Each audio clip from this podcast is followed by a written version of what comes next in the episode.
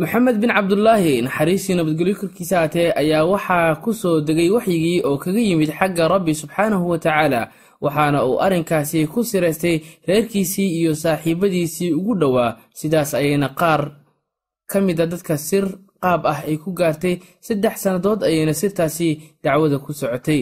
Dadkii ku islaamay xilligaasi sirta dacwada ay ku socotay waxay gaareen afartan qof kuwaasoo halhal iyo kooxo yaryar ayagoo ah ugu kulmi jiray gurigii la oran jiray arqam ibnul arqam. Xilligaasi mid walbaahi ma uusan aqoonin midka kale xilliga uu ku soo biiray diinta islaamka qarinta iyo dhowrista diinta halka ay ka joogtay dadka awgeed. Sidaas ayayna ahayd dacwadii ilaa ay ku bateen ragga iyo dumarka ku soo biiraya waxaana ay gaartay heer lala jahro ama la muujiyo dacwada islaamka oo waxa ay ka gudbeen cabsidii ay qabeen dadka cabsanayay ilaah ayaa u oggolaaday nebiga in uu la jahro diinta oo uu bannaanka u soo saaro waxaana soo degtay aayadda qur'aanka ahayd ee odhanaysay wa andir cashiirataka alaqrabiin. Waa uu soo baxay nebiga naxariistii nabadgelyo koriisa haatee waxaana uu koray buurta safaa la yidhaahdo asigoo u yeeraya dadka weliba cod aad u dheer dhawaaqiisii waxa uu ahaa mid la garanayo oo marka qofka uu dareemo cadow ay moog yihiin ehelkiisa ayuu waxa uu kori jiray buurta kuna dhawaaqi jiray qorayshna caan ayuu ku ahayd. Markii nebiga uu u yeeray dadkii waa ay isugu yimaadeen dhammaantood nebiga sala allahu caleyh wasalam ayaa yidhi banii cabdilmanaafow banii cabdilmutalibow banii faharow banii kacabow ma i rumaysanaydeen haddii aan idin odhan lahaa cadow fardo ku hubaysan ayaa gadaashayda soo socda. Idinkoo markaasi halkaasi jooga ayayna idinku soo wajahan yihiin.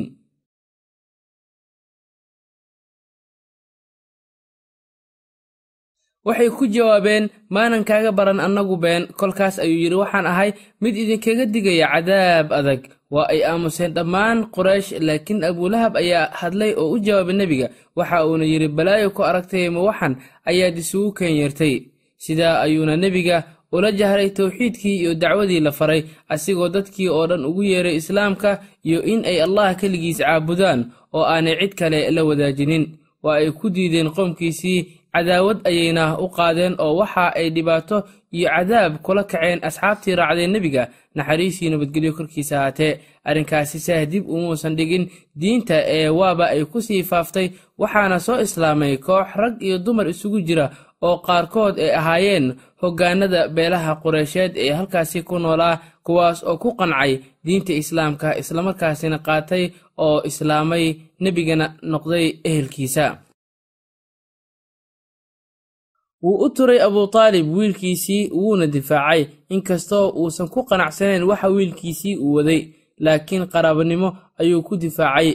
Arrinta dacwada markay ku badatay quraysh ayaa waxa ay u yimaadeen abutaalib oo ay dhaheen abutaalibow wiilka walaalka ilaahaydana ayuu caayay diinteenna ayuu ceebeeyey cuqaasheennana waxa uu ku tilmaamay in ay yihiin wax magarato baadi ayuu ku tilmaamay aabbayaashan inaad naga celiso iyo in aad dhexdeena ka baxdo mid samee. Waayo adiga waxaad aaminsan tahay waxa aan anagu aaminsan nahay diin ahaan iyo caqiid ahaan. Abutaalib ayaana ugu jawaabay hadal aad u jilicsan war wanaagsan way ka tageen. Mar kale ayay u soo noqdeen abutaalib ayagoo u cagajuglaynaya arrintaa ayaa ku weynaatay abutaalib wiilkiisii ayuuna u wacay moxamed sala allahu caleyhi wasalam waxa uuna ku yidhi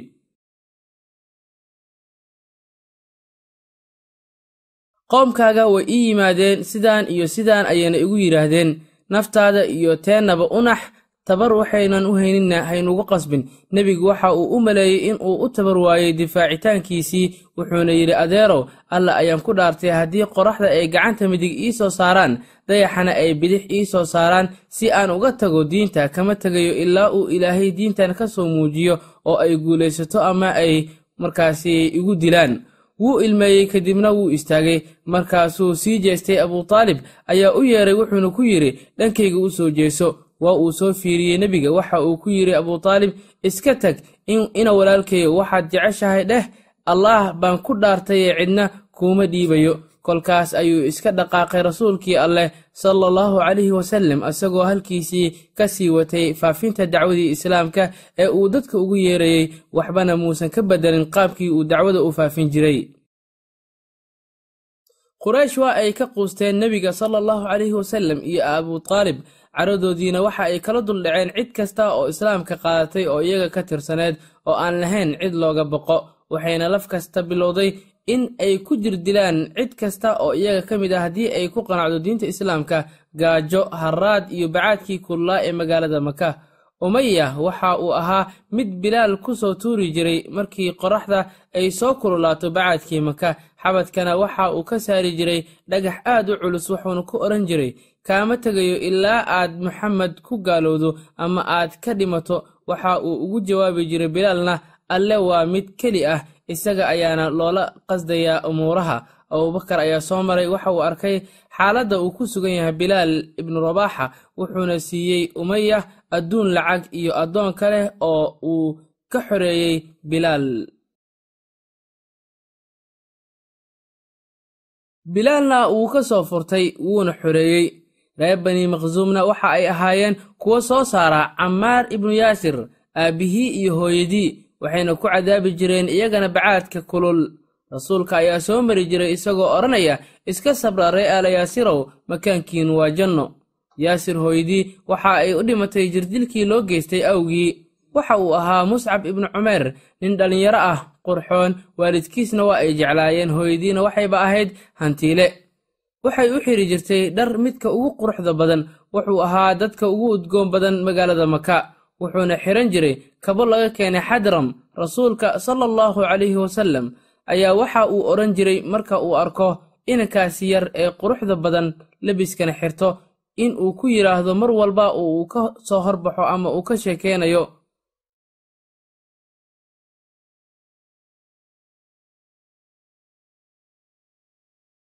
Ma arag nin muscab ibnu cumayr ka timo wanaagsan ka dhar fiican nimcada uu haystana ay ka badan tahay. Muscab waxaa soo gaartay in uu nebiga dadka diinta ugu yeero.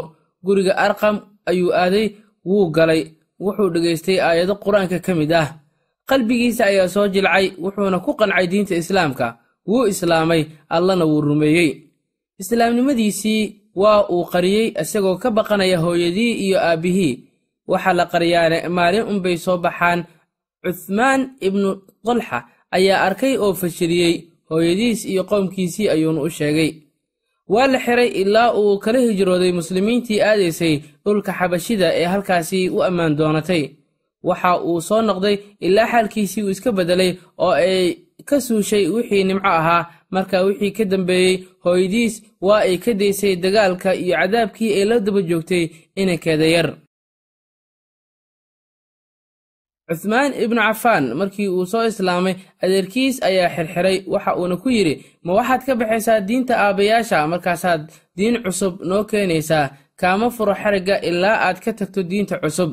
Cuthmaan ayaa ku jawaabay alle ayaan ku dhaartaye kama tegayo adeer xakam ibnu abilcaas markii uu arkay inuu diintiisii ku ad adag yahay ayuu iska sii daayey qabaab ibnu aratna waxa uu leeyahay maalin ayay iqabteen waxa ay ii shiteen dab weyn waa ay ijir dileen.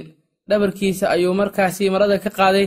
Waxaadba mooddaa in uu baras ku dhacay dabka lagu cadaabay awgii qoraysh iyadoo adeegsatay nooc kasta oo jirdil qof lagu sameeyo ah ayaa waxa ay ahayd mid awoodi weysay in ay dadka soo islaamaya qaadanaya diinta islaamka ay diinta ka hor istaagto waxaana ay ahayd diinta mid ay dadka si xooga u galayeen rasuulka alle waxa ay u adeegsadeen kuwoodii dabaallada ahaa way beeniyeen way dhibeen waxay ku sheegeen in uu sixirow yahay gabyaa yahay faaliye yahay iyo mid waalan. Aad ayayna ugu fara dhuudhuubnaayeen dhibaataynta wax kasta oo ay ku dhibi kareen nebiga sal allahu alay wasallam kadibna way ku wareereen wax ay ku tilmaamaan ayayna garan waayeen. Koox ka mid a beesha qoraysh ayaa waxa ay u yimaadeen weliid ibnulmuqiira oo ahaa markaa ninka ugu weyn quraysh waxa uuna yidhi qureyshay xilli cibaado oo dadka oo dhan ay isugu imaanayaan halkan ayaa la joogaa. Carab wufdiyadeedana waa ay idiin imaanayaan wayna maqlayaan xaalka maxamed ee hal xabbo ama hal hadal ku heshiiya dhammaantiin. Markii la idin weydiiyo ayaysan idinku dhicin in midkiin uu midka kale beeniyo. Noona sheega waxa aad isku waafaqdeen asiga ayayna ka dalbadeen wuxuu yidhi idinka dhaha waan idinka dhegaysanayaaye waxay dhaheen faalfiiriye waayo ayaan dhahaynaa waxa uu yidhi alle ayaan ku dhaartaye faalfiiriye ma aha. Waan aragnay faalfiiriyeyaasha hadalkiisa hadal qarsoon ma aha. Waxay dhaheen waxaan dhahaynaa wuu waalan yahay. Wuxuu yidhi ma waalna waalina waan garanaynaa mana laha calaamadaha waalida. Waxay dhaheen haddaba waxaan leennahay waa gabyaa. Wuxuu yidhi gabyaa ma aha gabay iyo noocyadiisii waannu garanaynaa. Waxay dhaheen waxaannu dhahaynaa waa sixiroole wuxuu yidhi sixiroole ma aha waan aragnay sixirka iyo saaxiriintaba. Waxa ay sameeyaan waxa uu samaynayona waa ay ka duwan tahay wax badan. Waxa ay sameeyaan wixii aad sheegteen dhammaan. Sixiroolaha faaliyaha iyo dadka waalan intaba. Waxaana ay isku dayeen mar walba in ay u sameeyaan magac ay ku midaysan yihiin dhammaantood waxay yidhaahdeen reer quraysh haddaba adiga maxaad leedahay? Waxa uu yidhi hadalkiisa wuu macaan yahay asalkiisana wuu ballaaran yahay fariciisana waa uu xeeldheer yahay. Waxa ugu dhow oo aad dhihi kartaan waa sixiroole waxa uu la yimid hadal sixir ah oo kale. Waxa uu hadalkiisa kala geynayaa labada isdhashay iyo labada isla dhalatay ninka iyo xaaskiisa qofka iyo tolkiisa. Allah waxa uu yidhi darnii waman khalaqtu waxiida وجعلت له مالا ممدودا وبنين شهودا ومهدت له تمهيدا ثم يطمع أن أزيد كلا إنه كان لآياتنا عنيدا سأرهقه صعودا إنه فكر وقدر فقتل كيف قدر ثم قتل كيف قدر ثم نظر ثم عبس وبسر ثم أدبر واستكبر فقال إن هذا إلا سحر يؤثر إن هذا إلا قول البشر quraysh waxay adeegsatay nooc kasta oo jirdil ah qaraabanimadiina maysan dhowrin bini'aadamnimadana waa ay ka baxday maalin nebigoo sujuudsan masjidka dhexdiisa hareerihiisana ay dad reer quraysh ah ay joogaan ayaa waxa u yimid cuqba ibnu abi nucayd wuxuuna dhahay wuxuuna dhabarka nebiga saaray markaasi mandheer ama waxaa loo yaqaano waxa ka yimaada marka xoolaha ay dhalaan. Nebiga madaxiisa ma qaadin markii la dul saaray waxaasi qashinka ah. Waxaa timid gabadhii nebiga sala allahu calayhi wasallam faatima bintu muxamed oo ka qaaday nebiga wasaqdii dusha laga saaray. Waxa ayna bilowday faatima in ay habaarto ninkii arrinkaa xun ku sameeyey nebiga sala allahu calayhi wasallam ee dusha ka saaray mandheertii iyo qashinkii foosha xumaa nebiga sala allahu calayhi wasallam xilligii uu sujuudsanaa. Abujahal ayaa maalin maalmaha ka mid ah buurta safaa agteeda ku soo maray nebiga sala allahu calayhi wasallam. Dabadeedna waa uu aflagaadeeyey. Waxyar kadib waxaa soo maray isla meeshii xamsa oo ku geeraarsan fallaartiisii kana yimid ugaarsi wuxuuna ahaa wiilka ugu sharafta badan beesha qureysheed waxaana u warrantay xamsa arrinkaana uga sheekaysay gabar addoon u ahayd cabdulaahi ibnu jadcaan. Aad ayuu u carooday xamsa wuxuu galay masjidka wuxuu arkay abujahal oo fadhiya qoomkiisa dhexdiisa meel ah. Wuu u tegey wuxuu ku garaacay gamuunkiisii wuuna daqray abujahal wuxuu ku yidhi ma waxaad ceynaysaa maxamed? Anoo diintiisa haysta. Waxa uu dhahayna aaminsan. Abujahal wuu aamusay. Xamsena wuu soo islaamay qorayshna arrinkaasi waa ay ku adkaatay iyagoo eegay booska uu ka degganaa xamsa beesha quraysh dhexdeeda geesinimada. Heshiis iyo wada noolaasho markii quraysh ay aragtay moxamed iyo asxaabtiisii in ay badanayaan oo ay kordhayaan waxaa iyaga ka fasax qaatay cutbah ibnu rabiica si uu ula hadlo moxamed calayhi salaam uuna ugu bandhigo waxa ugu wanaagsan ee uu arko cutba ayaa nebiga u yimid. Wuu la fadhiistay wuxuu ku yidhi wiilkii walaalkayow meeshaad nooga taal waad og tahay. Waxaad ula timid qoomkaaga. Waa arrin weyn.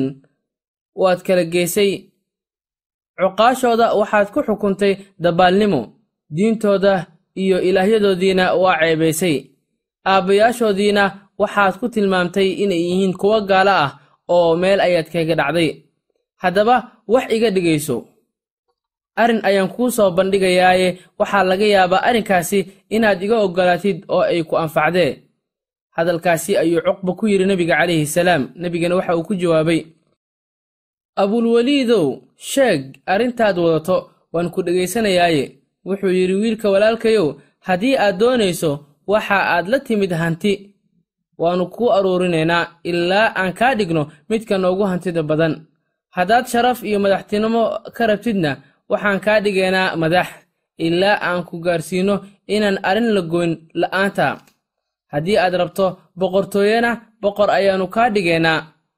Haddii waxaad iska joojin kartid aysan ahayn oo ay cudur kugu tahayna dhakhtar ayaannu ku geynaynaa oo waxaynu ku dadaalaynaa sidii aad ku caafimaadi lahayd. Waxaynu ku bixinaynaa arrinkaasi wixii dhaqaale ah oo aynu leennahay ilaa aad ka bogsooto markii uu dhammaystay hadalkaasi ayaa rasuulka sala allahu calayhi wasallam waxa uu ku yidhi ma dhammaysatay abulweliidow hadalkaagii? Abuweliid oo hadalkii dhammaystay nebigana ka dhigaystay ayaa waxauu yidhi haa waan dhammaystay. Waxa uu yidhi nebiga haddaba iga dhigayso anna. Haye ayuuna dhahay rasuulka ayaa akhriyey aayado ka mid ah suuradda fusilad cutba si fiican ayuu u dhegaysanayey qur'aankii la akhrinayey nebiga markuu gaaray aayadda sujuudda waa uu sujuuday. Waxa uuna yidhi wixii aan dhihi lahaa waad iga maqashay. Waa ku adiga iyo wixii aad maqashay go'aanka aad ka qaadan lahayd. Cutba wuu istaagay wuxuuna u tegay qoomkiisii markii hore uu ka soo idin qaatay marka nebiga uu soo aadayey. Waxay isdhaheen qoomkiisii alle ayaan ku dhaaranaye. Abulweliid wejigii uu nooga tegey kuma uusan soo laabanin. Oo waxa ay dareemeen isbeddel inuu ka muuqday wejigiisii markuu soo ag fadhiistayna waxa ay ku dhaheen maxaad la soo kulantay? Waxa uu yidhi weliid waxaan soo maqlay hadal aanan weligay maqal. Sixir ma aha gabayna ha ka sheegin faalna warkiisa daa. Qureeshay taladayda yeela ninkan iyo waxa uu wataana isaga dhexbaxa oo ka fogaada.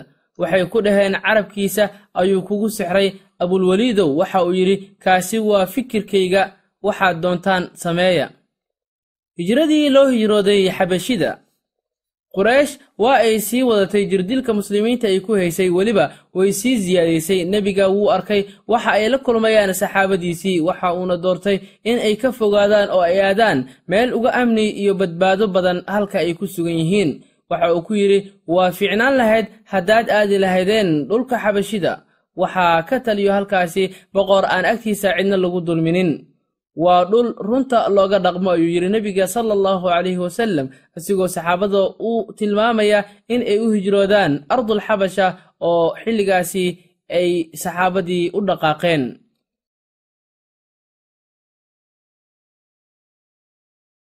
Hadalkii nebiga ayaa ahaa sameeya sidaa ilaa inta uu ilaahay faraj ka furayo muslimiinta qaar ayaa diyaar garoobay waxayna u hijroodeen dhulkii xabashida ayagoo fidno ka baqanaya lana cararaya diintooda waxayna ahaayeen toban qof oo kale ah. Cuthmaan bin cafaan oo ay la socotay xaaskiisii ruqiya gabadhii rasuulka sala allahu calayhi wasallam. Abuu xudayfa oo ay la socotay xaaskiisii sahlah bintu suhayl. Zubayr ibnualcawaam muscab ibnu cumayr cabduraxmaan ibnu cawf abuu salmah ibnu cabdil asad iyo xaaskiisa ummu salama bintu abuu umaya cuthmaan ibnu madcuun caamir ibnu rabiica iyo xaaskiisii leyla bintu abi xathma abuu sabrah ibnu abirah iyo weliba suhayl ibnu baydaa. Intaa kadib waxaa baxay jacfar ibnu abi taalib. Muslimiinta waa ay isku raacraaceen ilaa ay isku urursadeen dhulkii xabashida waxayna gaareen saddex boqol iyo siddeetan nin qoraysh markii ay aragtay in ay ku badbaadeen dhulkaa ay degeen waxa ay ka daba dirtay cabdulaahi ibnu abi rabiica iyo camar ibnulcaas najaashi iyo qoyskii boqorkana waxa ay u dhiibeen hadiyad waxa ay ku wareejiyeen hadiyaddii maka ay ka keeneen. Waxayna ku dhaheen waxaan waddankiina soo gaaray dhallinyaro wax magarato ah. Ka baxay diintii qoomkooda diintiinana aan soo gelin weli waxayna la yimaadeen diin cusub oo aynan garanayn idinkuna aydaan garanaynin. Dhallinyaradaasi oo annaga naga tirsanaa naga soo cararay soona gaaray dhulkii xabashida oo halkan aad joogtaan ku sugan iyagoo diintii qoomkooda ka soo baxay diintii idinka ay haysateenna aanan gelin oo diin cusub oo ay la yimaadeen heesta. Waxaan idiin soo dirnay dadkii ugu sharafka badnaa qoomkooda si aad noogu soo celisaan. Boqortooyadu waxa ay rumaysatay hadalkoodii hadalka markuu meeshaasi marayo ayaa waxaa carooday najaashi wuuna diiday inuu dhiibo cid isaga soo magangashay wuxuuna isugu yeedhay muslimiinta iyo nasaarada culimmadeeda. Wuxuu ku yidhi waa maxay diintaana idinku qasabtay inaad ka tagtaan diintii qoomkiina diinteenna aydan soo gelin? Ama xitaa diimaha la garanayo? Jacfar ibnu abitaalib ayaa istaagay oo yidhi boqorow waxaan ahayn dad ku nool jaahiliyad caabudo asnaam cuna bakhtiga xumaan kastana la yimaada gooyo qaraabada. Cid cid u turaysaahina ma aysan jirin oo cid walba ciddii ay ka xoog badan tahay ayay dhibaatayn jirtay. Isku turid iyo is-ixtiraamid midna meesha ma aysan oolin.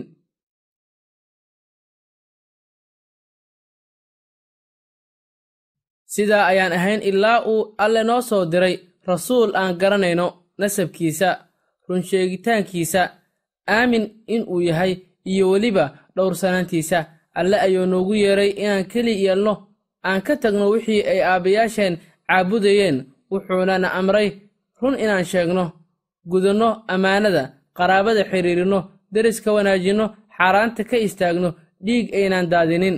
Wuxuu kaloo naga reebay xumaanta guud ahaan been abuurashada cunidda xoolaha agoonta gabdhaha wanaagsan oo xumaan laga sheego.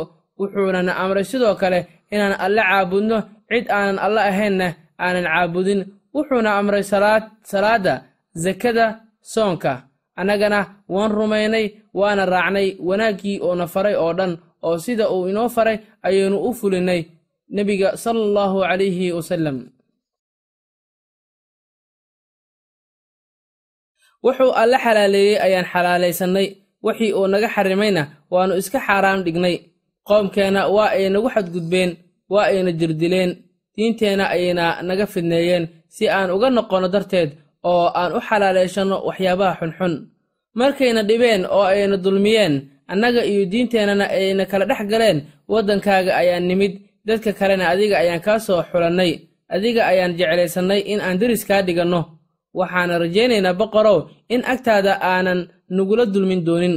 Si qoto dheer oo degganaan ay ku jirto ayuu u dhegaystay boqorkii xabashida wax kasta oo uu yidhi jacfar ibnu abitaalib kadibna waxa uu yidhi wax ma ka haysaan wixii saaxiibkiin nebiga naxariistii nabadgelyo korkiisa aatee xagga alleh kaga soo degay.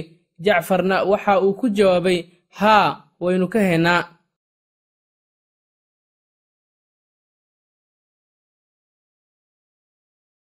najaashi ayaa yidhi igu dul aqribal.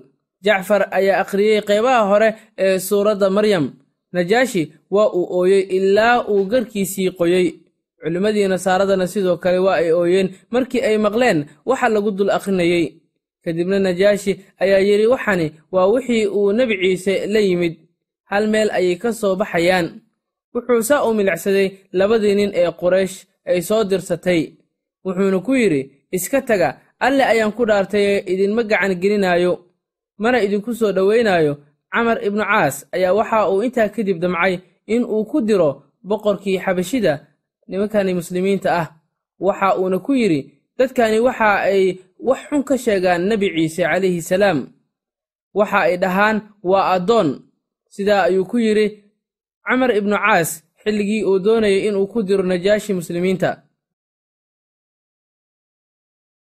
markaa ayuu najaashi weydiiyey maxaad ka sheegaysiin jacfar? Ayaa ugu jawaabay waxaan ka leenahay nebi ciise waxa uu ka yidhi nebigeenna moxamed sala allahu calayhi wasallam waa addoonkii alle iyo rasuulkiisii waana ruuxdiisii iyo kelimaddiisii ee uu ku tuuray maryamadii sharafka badnayd najaashi ayaa gacantiisii dhulka ku garaacay.